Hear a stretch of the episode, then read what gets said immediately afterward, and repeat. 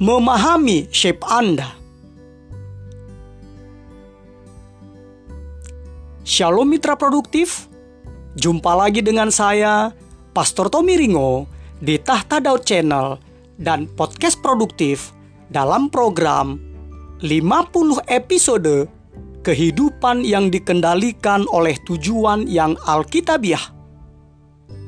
Untuk apa kita ada di dunia ini? Episode 31.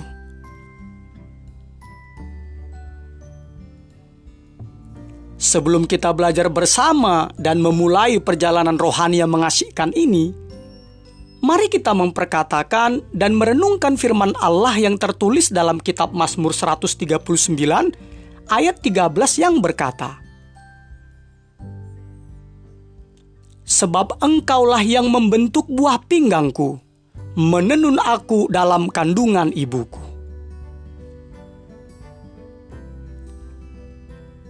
Dari ayat tersebut kita diingatkan mitra produktif bahwa hanya Andalah yang dapat menjadi diri Anda.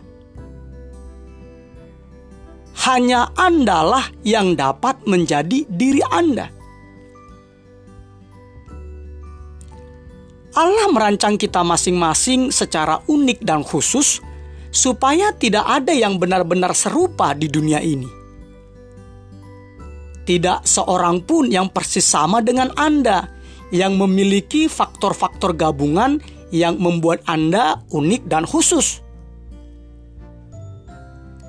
Ini berarti tidak ada orang lain di dunia ini yang akan mampu memainkan peranan yang Allah rencanakan bagi Anda. Jika Anda tidak memberikan sumbangsih Anda yang unik dan khusus bagi tubuh Kristus, yaitu memberikan bantuan kepada sesama sebagai tanda kasih Anda kepada Allah,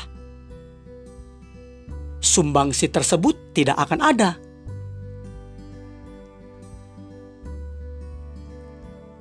Dalam episode sebelumnya, kita telah belajar dua faktor pertama dari akronim SHAPE. S H A P E yaitu S dan H. S adalah kepanjangan dari spiritual gift. Karunia-karunia rohani. Dan H adalah kepanjangan dari heart, hati. Nah, sekarang kita akan melihat faktor-faktor lain dari akronim shape Anda untuk melayani Allah, yaitu A, P, dan E.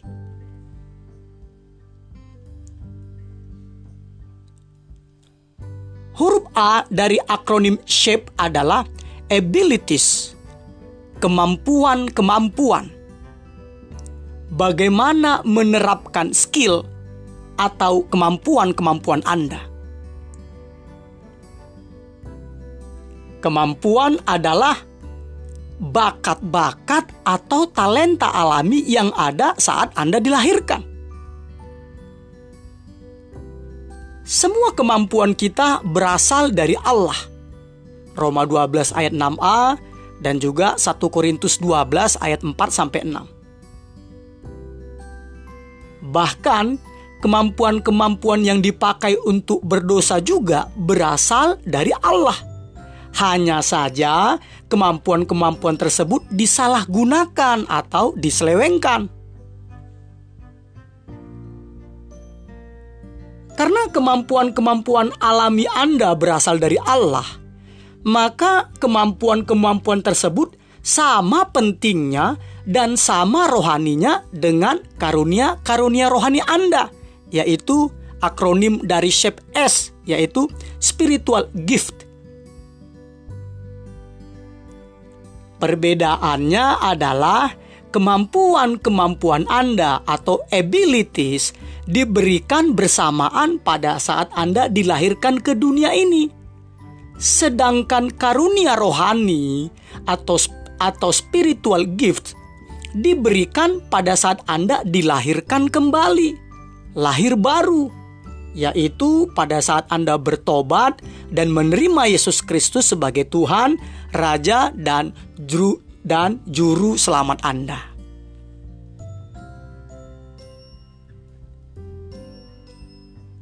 Salah satu alasan yang paling umum dan banyak dipakai orang untuk tidak melayani adalah saya tidak memiliki kemampuan apa pun untuk diberikan.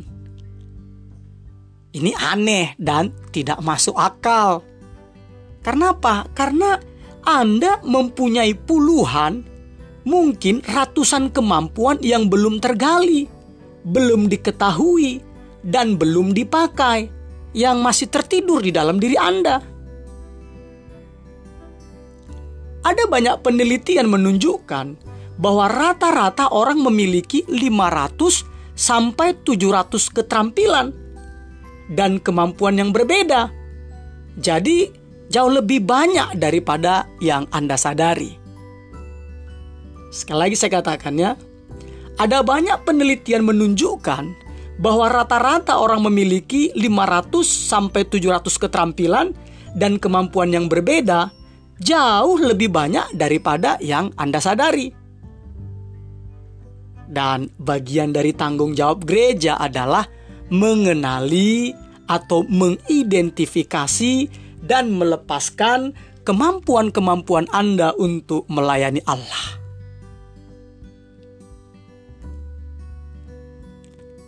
setiap kemampuan dapat dipakai untuk kemuliaan Allah. Firman Allah dalam surat 1 Korintus 10 ayat 31 berkata, Jika engkau makan atau jika engkau minum atau jika engkau melakukan sesuatu yang lain, lakukanlah semuanya itu untuk kemuliaan Allah. Alkitab dipenuhi contoh-contoh dari berbagai kemampuan yang dipakai Allah untuk kemuliaannya.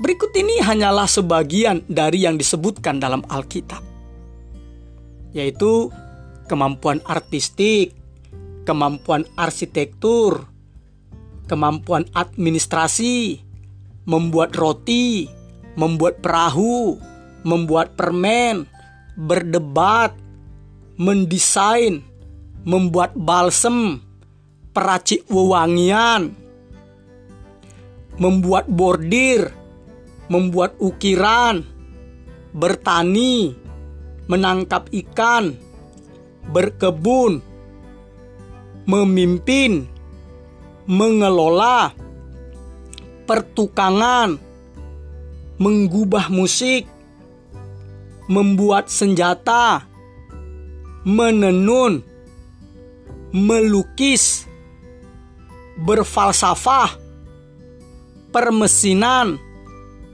menciptakan, menjadi tukang kayu, berlayar, menjual, menjadi tentara, menjahit, mengajar, menulis sastra, dan puisi.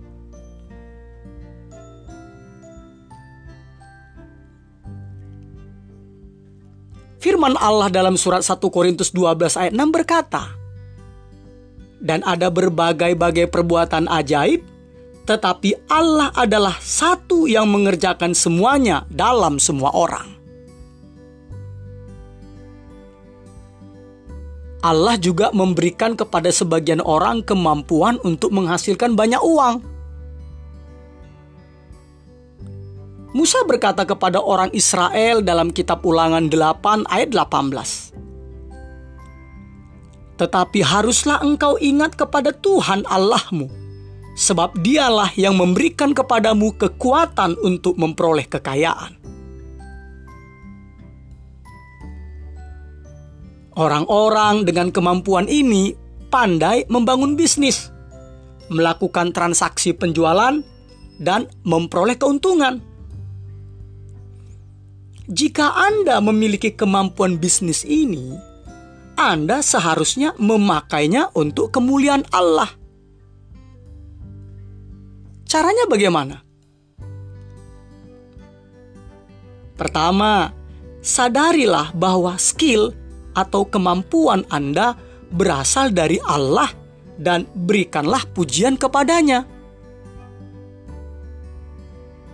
Kedua, gunakanlah skill atau kemampuan bisnis Anda untuk melayani kebutuhan orang lain dan untuk menyampaikan iman Anda kepada orang yang belum percaya. Ketiga, kembalikanlah setidaknya sepersepuluh atau sepuluh persen dari keuntungan kepada Allah sebagai tindakan penyembahan. Maleakhi 3 ayat 8 sampai 11. Dan terakhir, tetapkan tujuan Anda sebagai pembangun kerajaan dan bukan sekedar pembangun kekayaan. Kita akan membahasnya di episode 34.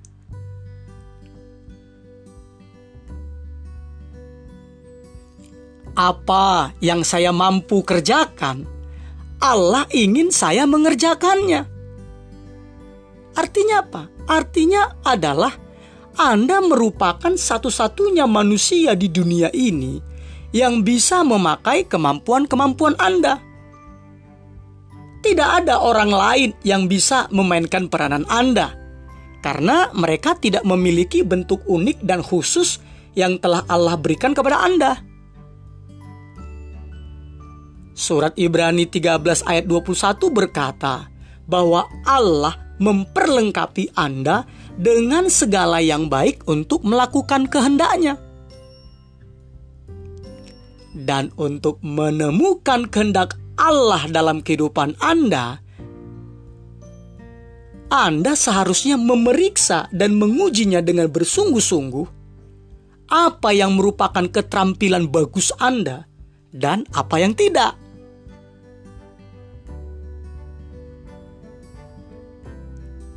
Mitra produktif, Allah tidak pernah meminta Anda mengabdikan atau mendedikasikan kehidupan Anda untuk suatu tugas yang untuknya Anda tidak memiliki bakat atau talenta. Allah tidak pernah meminta hal tersebut. Sebaliknya, kemampuan-kemampuan yang Anda miliki merupakan petunjuk, indikasi kuat tentang apa yang Allah ingin lakukan dengan kehidupan Anda. Kemampuan-kemampuan tersebut merupakan petunjuk untuk mengenali kehendak Allah untuk Anda. Itu adalah tanda-tanda yang menunjukkan kehendak Allah untuk Anda. Allah tidak menyanyiakan kemampuan. Ia menyesuaikan kemampuan kita dengan panggilan kita. Juga, kemampuan-kemampuan Anda tidak diberikan hanya untuk mencari nafkah atau mendapatkan penghasilan. Tidak hanya untuk itu, Allah memberikannya kepada Anda untuk pelayanan Anda. Seperti yang tertulis dalam surat 1 Petrus 4 ayat 10 yang berkata, Layanilah seorang akan yang lain, sesuai dengan karunia yang telah diperoleh tiap-tiap orang sebagai pengurus yang baik dari kasih karunia Allah.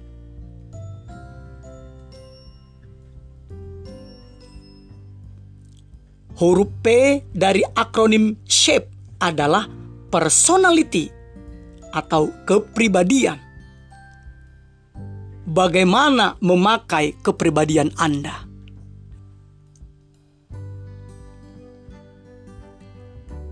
Keunikan Anda adalah fakta ilmiah dari kehidupan. Belum pernah ada dan tidak akan pernah ada seseorang yang persis sama seperti Anda. Tidak akan pernah ada. Dan sudah jelas bahwa Allah menyukai keberagaman. Lihat saja di sekeliling Anda. Allah menciptakan kita masing-masing dengan suatu kombinasi sifat kepribadian yang unik. Allah menciptakan orang-orang yang introvert dan ekstrovert. Allah menjadikan orang yang menyukai rutinitas, namun juga menjadikan orang yang menyukai variasi. Allah menjadikan sebagian orang pemikir dan yang lainnya perasa. Allah menjadikan orang bekerja paling baik ketika sendirian dan yang lainnya lebih baik dengan berkelompok. Semuanya itu dikerjakan Allah dalam semua orang. 1 Korintus 12 ayat 6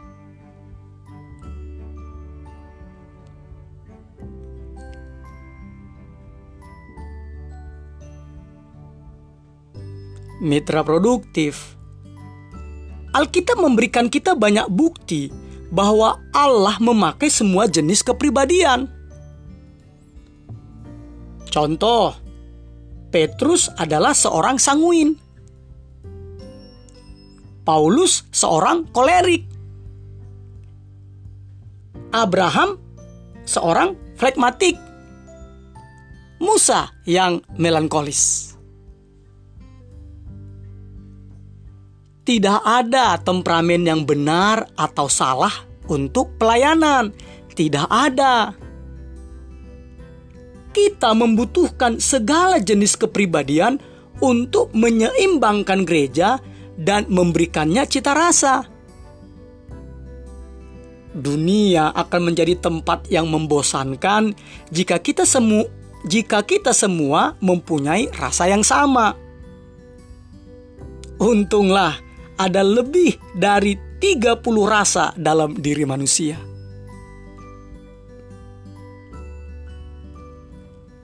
Kepribadian Anda mempengaruhi bagaimana dan di mana Anda memakai karunia rohani dan kemampuan Anda. Misalnya, dua orang mungkin memiliki karunia penginjilan yang sama tetapi jika salah satunya introvert, bersifat tertutup, dan yang lain ekstrovert, bersifat terbuka, maka karunia tersebut akan diekspresikan dengan cara yang berbeda juga.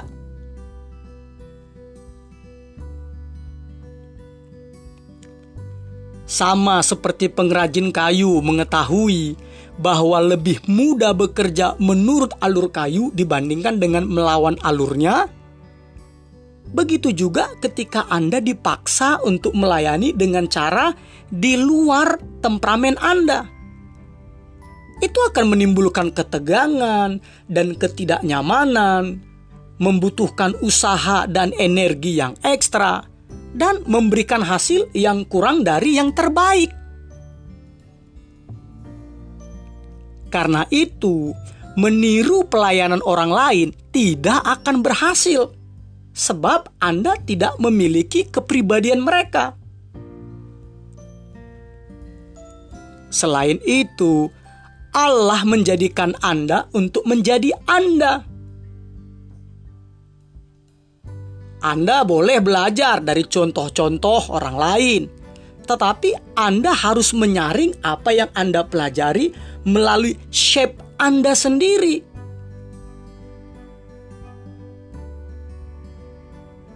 Zaman sekarang ini ada banyak buku dan peralatan yang dapat membantu Anda memahami kepri kepribadian Anda supaya Anda dapat menentukan bagaimana memakai kepribadian Anda untuk Allah.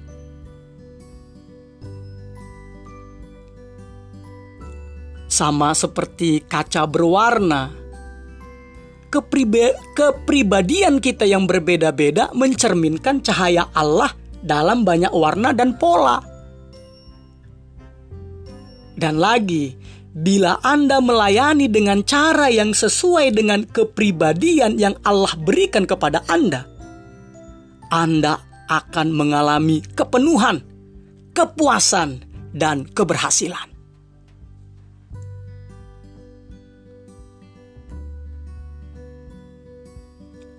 Huruf E dari akronim SHAPE, S-H-A-P-E adalah experience, pengalaman. Bagaimana memanfaatkan pengalaman-pengalaman Anda?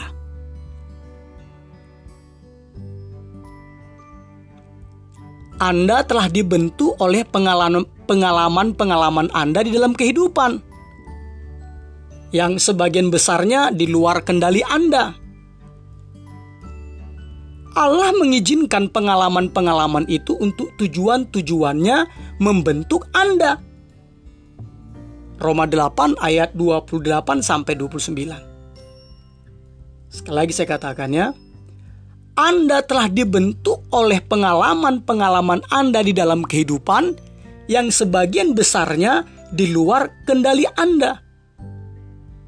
Allah mengizinkan pengalaman-pengalaman itu untuk tujuannya membentuk Anda. Roma 8 ayat 28 sampai 29. Ketika Anda menemukan shape Anda untuk melayani Allah, anda perlu menguji setidaknya enam jenis pengalaman dari masa lalu. Enam jenis pengalaman dari masa lalu. Pertama, pengalaman-pengalaman keluarga. Apa yang Anda pelajari ketika bertumbuh di dalam keluarga Anda? Kedua, pengalaman-pengalaman pendidikan. Mata pelajaran apa yang Anda sukai di sekolah? Ketiga, pengalaman-pengalaman pekerjaan. Dalam pekerjaan-pekerjaan apakah Anda paling efektif dan Anda paling menyukainya?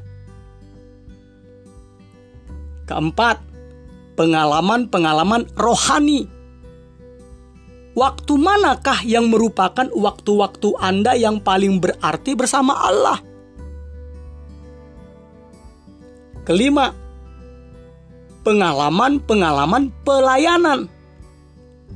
Bagaimanakah Anda melayani Allah pada masa lalu?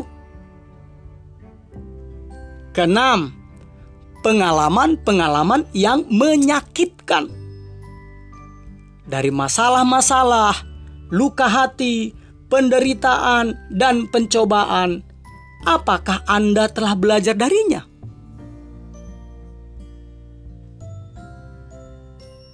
Poin keenam, poin terakhir, yaitu pengalaman-pengalaman yang menyakitkan yang paling Allah pakai untuk mempersiapkan Anda bagi pelayanan. Allah tidak pernah membiarkan suatu luka tanpa tujuan. Sekali lagi saya katakan ya, Allah tidak pernah membiarkan suatu luka hati terjadi tanpa tujuan. Semuanya terjadi ada tujuannya. Sebetulnya, pelayanan terbesar Anda kemungkinan besar berasal dari luka hati terbesar Anda. Allah dengan sengaja mengizinkan Anda mengalami penderitaan-penderitaan yang menyakitkan untuk memperlengkapi Anda bagi pelayanan kepada orang lain. Allah dengan sengaja mengizinkan Anda mengalami hal-hal yang menyakitkan untuk memperlengkapi Anda agar dapat melayani orang lain. Surat 2 Korintus 1 ayat 4 berkata, Yang menghibur kami dalam segala penderitaan kami, sehingga kami sanggup menghibur mereka yang berada dalam bermacam-macam penderitaan dengan penghiburan yang kami terima sendiri dari Allah.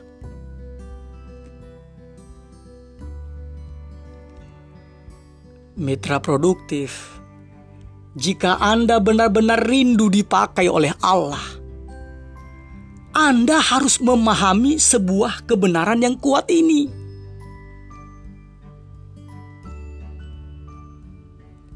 Pengalaman-pengalaman yang paling Anda benci atau Anda sesali dalam hidup Anda, yaitu pengalaman-pengalaman yang ingin Anda sembunyikan dan lupakan, adalah pengalaman-pengalaman yang Allah ingin Anda pakai untuk menolong orang lain. Itu adalah pelayanan Anda.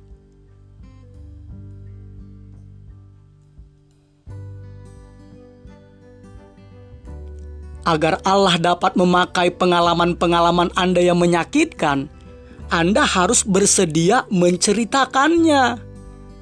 Anda harus berhenti menutup-nutupinya, dan Anda harus dengan jujur mengakui kesalahan-kesalahan, kegagalan-kegagalan, dan ketakutan-ketakutan Anda. Melakukan hal ini bisa merupakan pelayanan Anda yang paling efektif dan juga menyembuhkan Anda. Orang selalu merasa dibangkitkan semangatnya ketika kita berbagi bagaimana anugerah Allah menolong kita dalam kelemahan dibandingkan dengan jika kita menyombongkan kekuatan kita.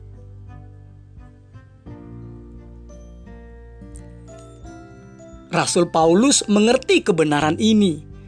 Makanya ia jujur menceritakan masa-masa tertekan dan putus asa yang dialaminya. Ia mengaku dalam surat 2 Korintus 1 ayat 8 sampai 10.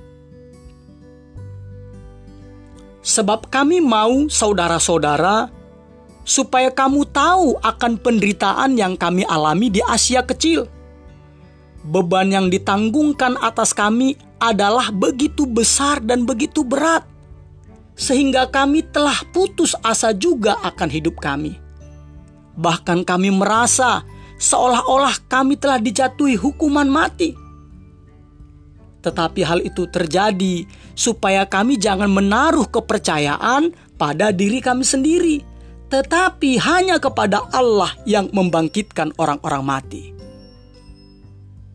dari kematian yang begitu ngeri, ia telah dan akan menyelamatkan kami. Kepadanya kami menaruh pengharapan kami bahwa ia akan menyelamatkan kami lagi.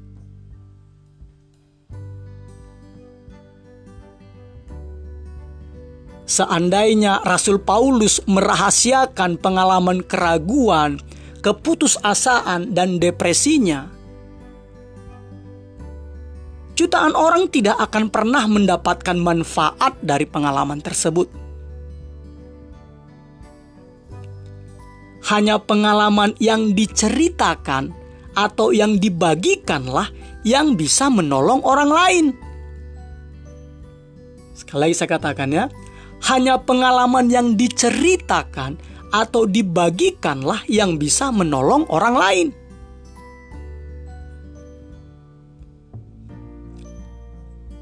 Novelis Aldous Huxley berkata, "Pengalaman bukanlah apa yang terjadi dengan Anda, tetapi apa yang Anda lakukan dengan apa yang terjadi kepada Anda." Pengalaman adalah guru terbaik jika kita mengevaluasinya. Jadi, Jangan sia-siakan penderitaan Anda. Gunakanlah itu untuk menolong orang lain.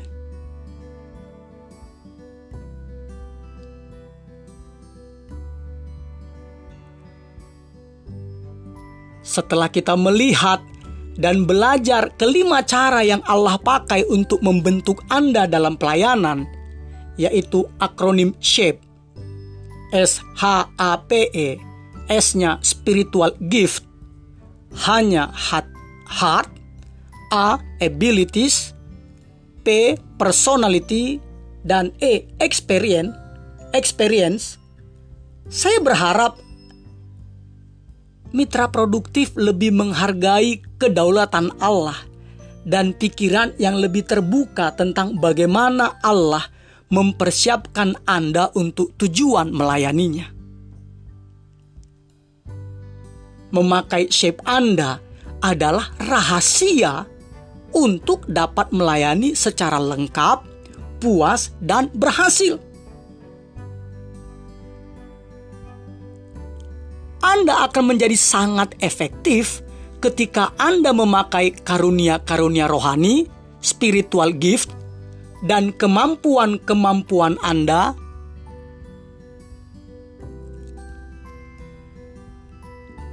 Maaf, saya ulang lagi ya. Anda akan menjadi sangat efektif ketika Anda memakai karunia-karunia rohani dan kemampuan-kemampuan Anda di bidang yang sesuai dengan kerinduan hati Anda melalui ekspresi kepribadian dan pengalaman-pengalaman Anda yang terbaik.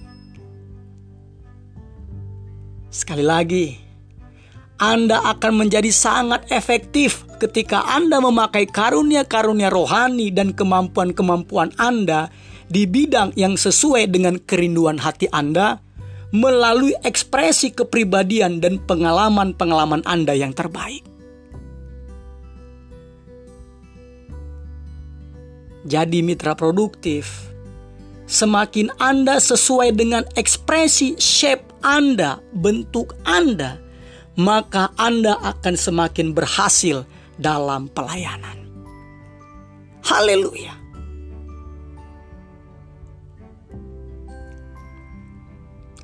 Episode 31 Berpikir dan merenungkan tujuan hidup saya. Nilai-nilai atau prinsip-prinsip yang harus dipikirkan dan direnungkan. Tidak ada seorang pun bisa menjadi diri saya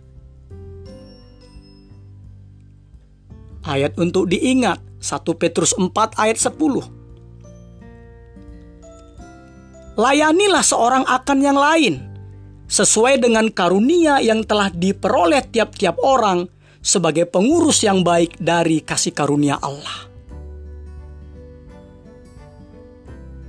Pertanyaan untuk dipikirkan dan didiskusikan. Kemampuan dan pengalaman pribadi yang manakah yang bisa saya berikan kepada gereja saya. Immanuel, Allah menyertai kita mitra produktif. Amin.